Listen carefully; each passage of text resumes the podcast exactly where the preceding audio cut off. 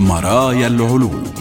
برنامج يقدم العلم للجميع وصور المعرفة بنكهة خاصة. مرايا العلوم يسعى إلى اكتشاف عالم أفضل عبر جسر العلوم والتكنولوجيا.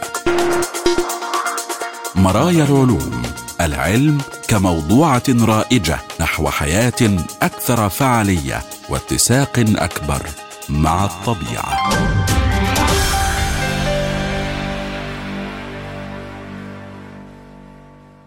أهلا بكم وحلقة جديدة من برنامج مرايا العلوم حيث العلوم والحياة وصور المعرفة وتردداتها بلا حدود والسعي نحو غد أفضل يتسع للجميع ويفتح ذراعيه لعقول السلام. في هذه الحلقة.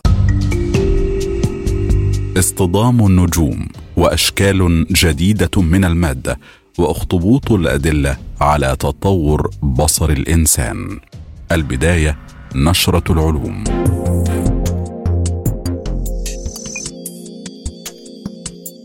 وجد باحثون من خلال المحاكاة أنه قد ينتج عن اصطدام نجمين نيوترونيين ببعضهما شكل من أشكال المادة لم يسبق له مثيل. إذا حدث ذلك فإن عمليات المحاكاة تشير إلى وجود تغير في موجات الجاذبية الناتجة عن الاصطدام. وفق العلماء فإن ذلك يعني أنه يمكن أن تحتوي موجات الجاذبية على تلميحات عن نوع جديد من المادة أو تكوين غير مرئي سابقا من مادة مكونة من الكواركات.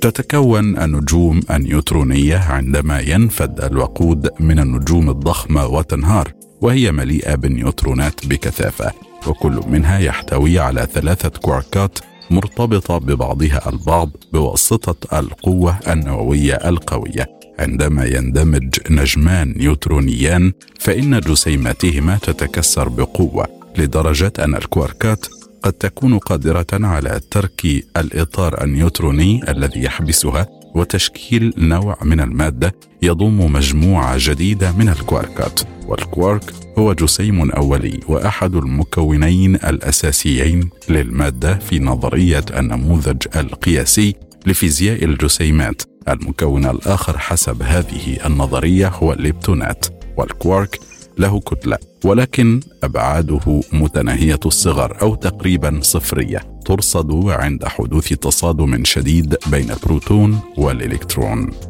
وللكواركات جسيمات مضادة مثل بقية الجسيمات الأولية تدعى كواركات مضادة حيث تتميز الكواركات والكواركات المضادة بأنها الجسيمات الوحيدة التي تتآثر مع بعضها باستخدام القوى الأربع الرئيسة الموجودة في الطبيعة وتشكل الكواركات معظم الجزء الداخلي للمادة فالبروتون يتكون من ثلاثة كواركات وكذلك النيوترون. وهي مترابطة مع بعضها بقوه شديدة ويصعب فكها إلا في معجلات الجسيمات حيث تتم تصادمات شديدة لفصلها عن بعضها. وتجتمع الكواركات معا لتشكل جسيمات مركبة تسمى هادرونات الأكثر استقرارا التي هي البروتونات والنيوترونات وهي مكونات نواة الذرة. ولا يمكن أن تظهر الكواركات بشكل مفرد حر.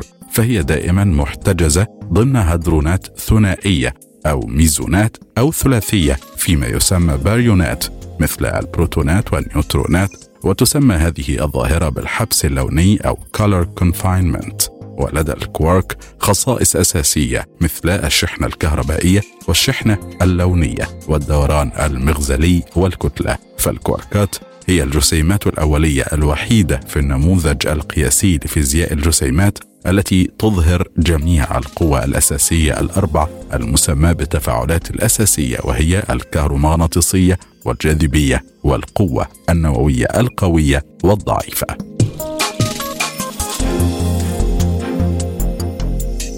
تكشف الزلازل على المريخ أنه قد يكون هناك صهاره تحت السطح اكتشف علماء الفضاء أنه قد يكون المريخ أو الكوكب الأحمر أكثر نشاطا من الناحية الجيولوجية مقارنة بما كنا نعتقد. وتشير البيانات الزلزالية الحديثة إلى وجود صهاره تحت سطح الأرض التي تلف بنية المريخ. ما يعنيه ذلك؟ أنه قد لا يكون المريخ هو العالم الميت جيولوجيا الذي كنا نظن أنه كذلك حيث تم اكتشاف إشارات من الصهارة تحت الأرض. ويعتقد أن الكوكب الأحمر كان نشطا بركانيا في الماضي ولكن ليس لعدة ملايين من السنوات. الآن من خلال دراسة مجموعة من أكثر من عشرين حدثا زلزاليا على سطح المريخ باستخدام بيانات من مهمة المسبار إنسايت التابعة لناسا اكتشف الباحثون رواسب صهارة محتملة بالقرب من منطقة من الشقوق الناتجة عن خطوط الصدع. وهبطت إنسايت على سطح المريخ عام 2018 بهدف دراسة الموجات الزلزالية التي تنتقل عبر سطح الكوكب ومن أعماق باطنه حيث من خلال التحقيق في سرعة هذه الموجات وتوترها يمكننا فهم البنية الجيولوجية للمريخ بشكل أفضل. توصل العلماء إلى أنه يمكن للبكتيريا أن تعيش تحت سطح المريخ مباشرة لمدة تزيد على 280 مليون سنة. بمعنى أنه عندما يتم تجفيف البكتيريا وتجميدها حيث من المرجح أن تكون تحت سطح المريخ مباشرة يمكنها البقاء على قيد الحياة رغم الإشعاع الشديد الذي يضرب الكوكب الأحمر لمئات الملايين من السنوات أي أنه يمكن لهذه البكتيريا المتطرفة أن تصمد أمام الإشعاع الشديد. وحسب مجموعة جديدة من التجارب وجد العلماء أنه قد تكون الكائنات الحية الدقيقة قادرة على البقاء على قيد الحياة تحت سطح المريخ لفترة أطول بكثير مما كان يعتقد الباحثون. الباحثون وجدوا أن البكتيريا الجافة يمكن أن تبقى حية في ظروف شبيهة بالمريخ لمدة تصل إلى أكثر من 280 مليون سنة مما يحسن فرصنا في العثور على دليل بشأن ما إذا استضاف المريخ أي نوع من الحياة المشابهة واستخدمت معظم التجارب السابقة لاختبار ما إذا كانت الكائنات الحية الدقيقة قادرة على النجاة من الإشعاع المكثف على المريخ. ومثل بكتيريا رطبة في درجة حرارة الغرفة يعتقد أن أطول إمكانية لتلك الكائنات الحية القادرة على البقاء حية تتمثل في مدة تصل إلى مليون عام تقريبا. ولتجربة مسار مختلف اتخذ الفريق العلمي فكرة أخرى عبارة عن تجفيف مجموعة متنوعة من البكتيريا والخميرة والتجميد قبل تعريضها للإشعاع المماثل لما قد تتعرض له الحياة المدفونة على سطح المريخ وقياس الضرر. ووفق العلماء فإن هذا التضاعف الهائل للمقاومة عندما تتخلص من الماء ويتم تبريد كل شيء هو مشابه للأطعمة المجففة بالتجميد لجعلها تدوم فترة أطول.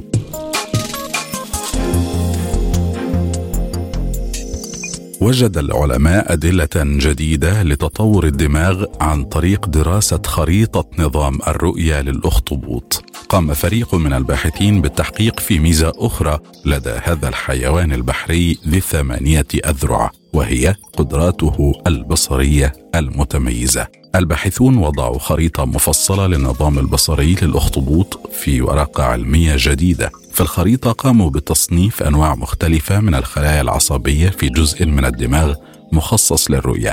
هذه النتائج هي مصدر ذو قيمة كبيرة لعلماء الأعصاب الآخرين حيث توفر التفاصيل التي يمكن أن توجه التجارب المستقبلية. بالإضافة إلى ذلك يمكن أن يعلمنا شيئا عن تطور العقول والأنظمة البصرية على نطاق أوسع وعلى الرغم من أنه لا يتم استخدامه تقليديا كموضوع للدراسة في المختبر إلا أن رأسيات الأرجل هذه سرعان ما استحوذت على اهتمام علماء الأعصاب في جامعات عدة. وقال علماء على عكس الفئران غير المعروفة بامتلاكها رؤية جيدة تتمتع الأخطبوطات بنظام بصري مذهل. وجزء كبير من دماغها مخصص للمعالجة البصرية فلديها عين تشبه بشكل ملحوظ عين الإنسان ولكن بعد ذلك يكون دماغ مختلفا تماما. وكان آخر سلف مشترك بين الأخطبوط والبشر قبل أكثر من 500 مليون سنة وتطورت الأنواع منذ ذلك الحين في سياقات مختلفة للغاية لذلك لم يعرف العلماء ما إذا كانت أوجه التشابه في الأنظمة المرئية تمتد إلى ما وراء العينين أو ما إذا كان الأخطبوط يستخدم بدلا من ذلك أنواعا مختلفة تماما من الخلايا العصبية ودوائر الدماغ لتحقيق نتائج مماثلة. ومن الأسئلة التي طرحها الباحثون هل هناك أنواع أساسية من الخلايا مطلوبة لهذا الدماغ الذكي للغاية والمعقد؟ هنا استخدم الفريق تقنيات جينية لتحديد أنواع مختلفة من الخلايا العصبيه في الفص البصري للأخطبوط وهو جزء الدماغ المخصص للرؤية. اختاروا ست فئات رئيسية من الخلايا العصبية تم تمييزها بناء على الإشارات الكيميائية التي يرسلونها. عند النظر إلى نشاط جينات معينة في تلك الخلايا العصبية كشف بعد ذلك عن أنواع فرعية أخرى ما يوفر أدلة على أدوار أكثر تحديدا. في بعض الحالات حدد العلماء مجموعات معينة من الخلايا العصبية في ترتيبات مكانية مميزة. على سبيل المثال حلقة من الخلايا العصبية حول الفص البصري تشير جميعها باستخدام جزيء يسمى الأكتوبامين يستخدم ذباب الفاكهة هذا الجزيء الذي يشبه الأدرينالين لزيادة المعالجة البصرية حين تكون الذبابة نشطة لذا ربما يكون لها دور مماثل في الأخطبوطات. ويقول العلماء الآن بعد أن علمنا أن هناك نوعا محددا جدا من الخلايا يمكننا البدء في الدخول ومعرفة ما يتم عمله. حوالي ثلث الخلايا العصبية في البيانات لا تبدو متطورة تماما. مع ذلك يستمر دماغ الأخطبوط في النمو ويضيف خلايا عصبية جديدة على مدار عمر الحيوان. هذه الخلايا العصبية غير الناضجة التي لم يتم دمجها بعد في دوائر الدماغ كانت علامة على أن الدماغ في طريقه إلى التوسع. ومع ذلك لم تكشف الخريطة عن مجموعات من الخلايا العصبية التي انتقلت بوضوح من البشر أو أدمغة الثدييات الأخرى كما اعتقد الباحثون. وفق العلماء على المستوى الواضح لا ترتبط الخلايا العصبية ببعضها البعض. إنها تستخدم نواقل عصبية مختلفة لكن ربما يقومون بنفس أنواع الحسابات فقط وبطريقة مختلفة. ويتطلب العمل التدقيق بشكل أعمق. أيضا للحصول على معالجة أفضل لعلم وراثة رأسيات الأرجل فنظرا لعدم استخدام الأخطبوط تقليديا كحيوان معمل فإن العديد من الأدوات المستخدمة في المعالجة الجينية الدقيقة في ذباب الفاكهة أو الفئران لم تكن موجودة بعد بالنسبة للأخطبوط. وأوضح الباحثون في الدراسة أن هناك الكثير من الجينات التي ليس لدينا أي فكرة عن وظيفتها لأننا لم نقم بدراسه تسلسل الجينومات لكثير من راسيات الأرجل. وبدون البيانات الجينية من الأنواع ذات الصلة كالنقطة للمقارنة يكون من الصعب استنتاج وظيفة خلايا عصبية معينة. أعضاء الفريق يعملون الآن على رسم خريطة لدماغ الأخطبوط خارج الفص البصري. ولرؤية كيف أن بعض الجينات التي ركزوا عليها في هذه الدراسة تظهر في أماكن أخرى من الدماغ كما أنهم يسجلون الخلايا العصبية في الفص البصري لتحديد كيفية معالجتهم للمشهد البصري. وبمرور الوقت قد تجعل أبحاثهم هذه تلك الحيوانات البحرية الغامضة أقل ضبابية وتسلط القليل من الضوء على تطورنا أيضا.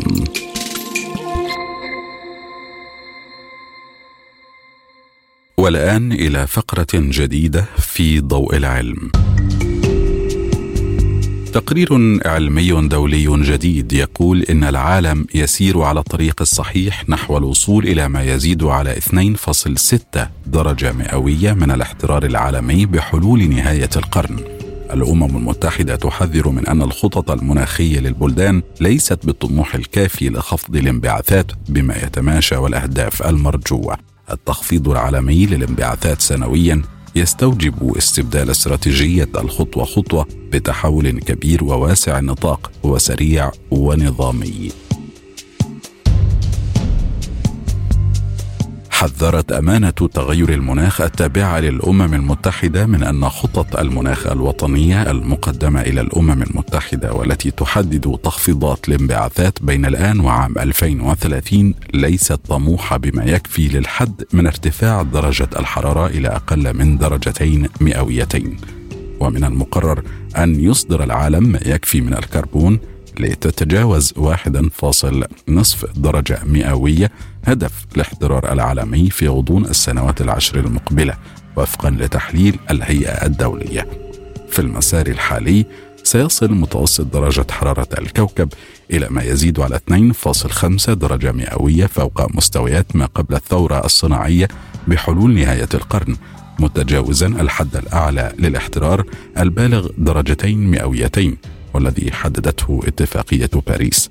ويحذر العلماء من أن هذا المستوى من الاحترار يمكن أن يؤدي إلى نقاط تحول من شأنها أن تعمل على تغير مناخي جامح. ويقيم أحدث تقرير تجميعي من الأمم المتحدة تأثير خطط المناخ المقدمة في إطار عملية الأمم المتحدة. فمنذ تحليل العام الماضي تم إحراز بعض التقدم حيث من المقرر الآن أن تصل الانبعاثات العالمية إلى ذروتها بحلول نهاية العقد. لكن الخطط الوطنية لا تزال أقل بكثير مما هو مطلوب لتحقيق هدف العالم. سيشهد التنفيذ المثالي للخطط والتي ستشمل مساعدة البلدان الأكثر ثراء للدول الفقيرة على تمويل العمل المناخي. انخفاض الانبعاثات بنسبة تصل إلى 3.6% بحلول 2030 مقارنة بمستويات عام 2019 وهو أقل بكثير من الانخفاض البالغ 43% واللازم لتحقيق هدف 1.5 درجة مئوية. كان من الواضح في قمة المناخ كوب 26 في العام الماضي بغلاسكو أن التعهدات الحالية بالمناخ لم تكن كافية لذلك وافقت الدول على العودة إلى طاولة المفاوضات في غضون عام بخطط أكثر طموحا لخفض الانبعاثات وذلك عبر كوب 27 بالقاهرة نوفمبر 2022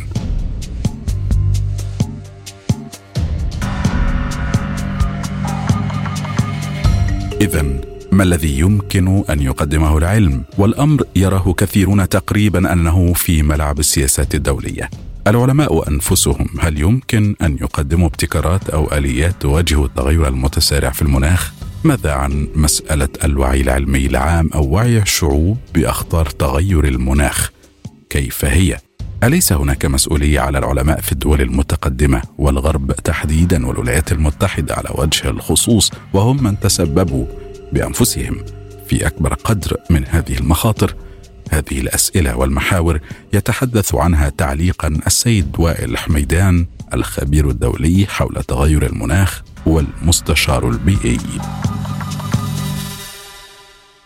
هذا التقرير أكيد عم يضيف شيء كثير مهم نحن برأينا للأشخاص اللي عم يتابع هذا الموضوع. أكيد يعني كلنا عارفين أنه حجم الطموح الموجود عند الدول لتطبيق اتفاقية باريس وأهداف اتفاقية باريس بعد في نقص كبير بعد في فجوة بالطموح الموجود. ولكن المهم في هذا التقرير أنه فرج الفرق بين السنة الماضية والسنة الحالية. الماضية كان نتوقع أنه تزداد آه، انبعاثات غازات الدفيئة بنسبة 13% بحلول 2030 هذه السنة آه، التقرير يقول بأن سوف يكون هناك زيادة 10% آه، بالمئة بالانبعاثات الغازات الدفيئة بحلول سنة 2030 يعني في 3% انخفاض. يعني في سنة واحدة زادت الطموح العالمي لدرجة أنه خفض توقعات الانبعاثات الدفيئة في المئة بحلول سنة 2030 هذا هو الأمر المهم في هذا التقرير. بالطبع آه، هنالك تحذير أنه يجب أن نزيد من آه، من طموحاتنا لأن إذا نريد أن نطبق اتفاقية باريس بالكامل ونحد ارتفاع حرارة الأرض لما دون درجة فاصلة خمسة بحلول نهاية القرن يجب أن ينخفض انبعاثات الغازات الدفيئة ب 45% بحلول 2030 ولكن في زيادة مش انخفاض في زيادة 10% ولكن مقارنة في السنة الماضية هنالك تحسن. آه هذه التقارير ماذا تقول لنا؟ تقول لنا أن يجب أن نزيد من طموحنا، نحن نعمل، هنالك دول تزيد من طموحها. ولكن وتيرة هذا الطموح يجب أن يزيد بسرعة أكبر. آه، قبل بدء العمل على تغير المناخ كانت متوقع أن تزيد حرارة الكرة الأرضية بنهاية هذا القرن لأكثر من أربع درجات. الآن أصبحت درجتين فاصلة ستة مثل ما حضرتك تفضلت. آه هذا أمر جيد ولكن ليس كافي ولي وما أهمية هذه الأرقام آه آه إذا ارتفعت حرارة الكرة الأرضية درجتين هذا سيؤدي مثلا أحد الأمثلة من الآثار ارتفاع آه، درجة آه، كرة الأرض درجتين مئويتين سوف يقضي على جميع آه، الشعاب المرجانية في المحيطات الذي سيؤدي إلى انهيار الحياة في المحيطات وسيؤثر على أكثر من مليارين شخص يعتمدون بطريقة مباشرة أو غير مباشرة على البحار. هذا مثل واحد من عدة أمثلة كيف سوف يؤثر تغير المناخ على البشر والحضارة البشرية. آه، نرى هنالك تحسن ولكن ليس بالسرعة الكافية. فهدف هذه التقارير أن نقول برافو هنالك زيادة في الطموح ولكن الفجوة لا زالت كبيرة. يمكن التقرير السنة القادمة آه، يؤدي إلى آه، وتيرة أسرع في طموح البلدان وأن لا يزداد آه، آه، آه، انبعاثات غازات دفيئة بحلول سنة 2030 إلى أكثر من 5% والسنة اللي بعدها يكون في انخفاض في انبعاثات غازات دفيئة بحلول 2030 وإلى ما هنالك. التقارير وقمة المناخ التي سوف تحصل هي أهميتها في تحفيز البلدان لأخذ طموحات أكبر القرار آه، السياسي اتخذ في سنة 2015 في اتفاقية باريس الأهداف التي يجب أن نصل إليها. والعمل من الآن إلى آه، نهاية مشكلة تغيير المناخ هو الزيادة في طموح الدول. والتقرير الذي يقوله أيضا المهم في هذا التقرير يقول أن الطموحات الموجودة على الطاولة الآن تغطي 80% من انبعاثات الدول. يعني هنالك 20% من الدول لا تزال ليس لديها خطط لتخفيض انبعاثات الدفيئة كما يقول لنا التقرير بأن آه، هنالك تأجيل للعمل للمشكلة. بالرغم من أن 80% من الدول وضعت خطط للوصول إلى صفر انبعاثات أو net zero emissions في حلول سنة 2050 ولكن معظم هذه الدول تؤجل العمل إلى وقت لاحق يعني تأجيل العمل على المشكلة هو أمر خطير ويجب أن الخطط الموجودة أن تركز على المدى القريب لأن تخفيض الانبعاثات على المدى القريب ضروري ومن دونها لا نستطيع تطبيق اتفاقية باريس.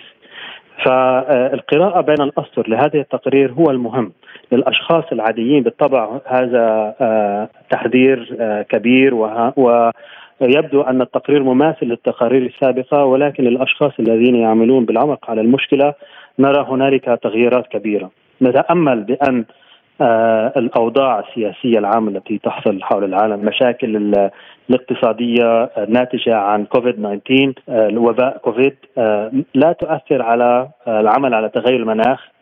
آه، وعلى الدول أن تعلم كيف هذا آه، هذه الانبعاثات سوف تؤثر عليها في المدى القريب والبعيد وكيف أن المشاكل التي رأيناها من مشكلة كوفيد 19 لا تقارن بالآثار التي سوف نراها بسبب تغير المناخ، حتى ما يحصل في أوكرانيا آه، وتأثيرها على الاقتصاد العالمي وعلى الحياة مباشرة في أوروبا أو روسيا لا تقارن. هذه المشاكل تبدو لنا أنها أولوية الآن ولكن يجب أن نعلم جميعا إن كان آه، رؤساء أو أصحاب قرار أو حتى مواطنين بأن مشكله تغير المناخ هي أسوأ بكثير من هذه الكوارث اليومية التي نراها ونعتبرها تؤثر على حياتنا بشكل مباشر بشكل كبير.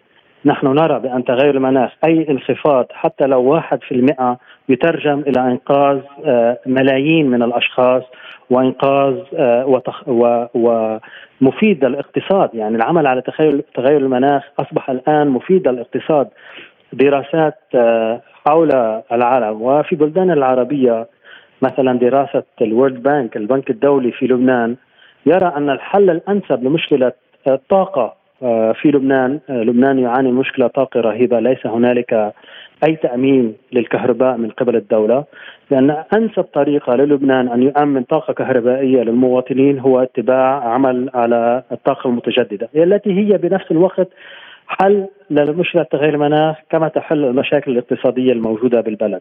الدراسات ترينا بأن المشكلة أو المعضلة ليس في موضوع الاقتصاد ولا التمويل ولا التكنولوجيا. آه، التكنولوجيا الحالية تكفي لحل مشكلة تغير المناخ من المصلحه الاقتصاديه للشعوب العمل على تغير المناخ ولكن للأسف الإرادة السياسية ليست موجودة والإرادة السياسية ليست فقط عند آه، الرؤساء وأصحاب القرار ولكن حتى عند الشعوب التي تنتخب أو تؤيد هؤلاء أصحاب القرار. على آه، آه، عديد من الرؤساء يقولون لنا أنهم يريدون العمل بشكل أكبر على تغيير المناخ ولكن الناخبين تعولون يقولون لا هذه ليست أولوية أو يعارضون عمل هؤلاء الرؤساء على موضوع تغيير المناخ، مثلا الرئيس ماكرون عندما وضع ضريبة على آه، الوقود للسيارات. أصبح هنالك ثورة في في باريس وأصحاب القمصان الصفر نعلم ماذا فعلوا على الشوارع وهذا كان ردة فعل على سياسة لرئيس ماكرون لمكافحة تغير المناخ. ممكن يعني هذا في شكل عام. ممكن كان رئيس ماكرون يشتغل بطريقة مختلفة على هذه المشكلة وأقنع آه، شعبه بأنه هنالك حاجة للعمل على تغير المناخ. ولكن هذه هي المعضلة. كيف نقتنع جميعا شعوبا وأصحاب قرار بأن مشكلة تغير المناخ هي أولوية؟ إن لم نعمل عليها المجاعات سوف تنتشر حول العالم. انهيار آه، اقتصادات ضخمة مثالا الاقتصاد البحري أو آه، المصايد البحرية جميعها سوف نخسرها. آه، تغير المناخ قد يقضي على البذور إن كان الضرورية مثل القمح. أو الأرز في جنوب شرقي آه، آسيا. إن تغير المناخ ضرب آه، هذه المناطق بشدة سوف يؤثر على المحصول الأرز آه، في هذه المنطقة الذي يغذي الأرز للكوكب كله. فموضوع تغير المناخ هو موضوع وجودي هو موضوع ليس فقط بيئة بل اقتصادي ووجودي.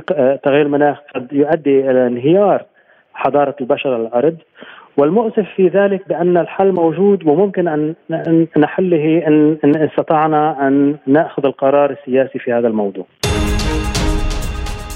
والآن إلى فقرة جديدة إلى الثقب الذهبي الذي نستعيد خلاله سير العظماء وحياة الأفكار الكبرى وفيه إدوارد أبلتون العالم الذي برهن بالتجربة على وجود طبقات متأينة في ارتفاع جوي يمكن أن تعكس موجات الإذاعة. في 1947 تلقى جائزة نوبل للفيزياء لعمله في الغلاف الجوي العلوي.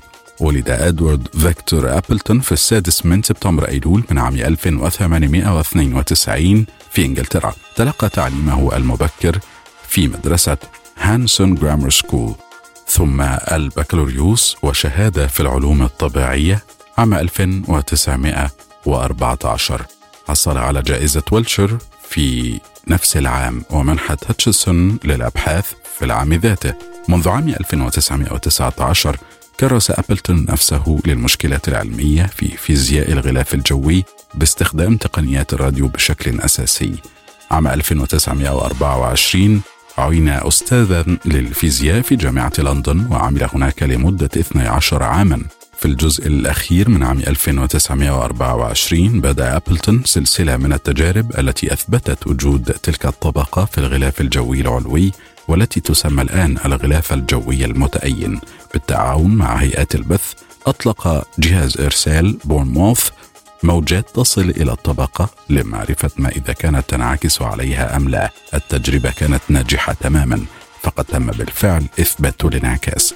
علاوة على ذلك من خلال تغيير طفيف في الطول الموجي كان من الممكن قياس الوقت الذي تستغرقه الأمواج للانتقال إلى الغلاف الجوي العلوي والعودة. وهكذا تم تحديد موضع الطبقة العاكسة وتحديد ارتفاعها بنحو 60 ميلا فوق سطح الأرض. كانت الطريقة المستخدمة هي ما يسمى الآن رادار تعديل التردد. وهكذا كان الأيونوسفير هو الكيان الأول الذي تم اكتشافه بواسطة التحديد الراديوي. في نهايات العقد السادس من التسعينيات كان إدوارد أبلتون مهتما بإلقاء محاضرات عن العلم والمجتمع وظل ذلك لسنوات عدة إلى أن توفي في الحادي والعشرين من أبريل نيسان لعام 1965 إلى هنا مستمعينا الأكارم نكون قد وصلنا وإياكم إلى خاتمة هذه الحلقة من برنامج مرايا العلوم. شكرا وإلى اللقاء.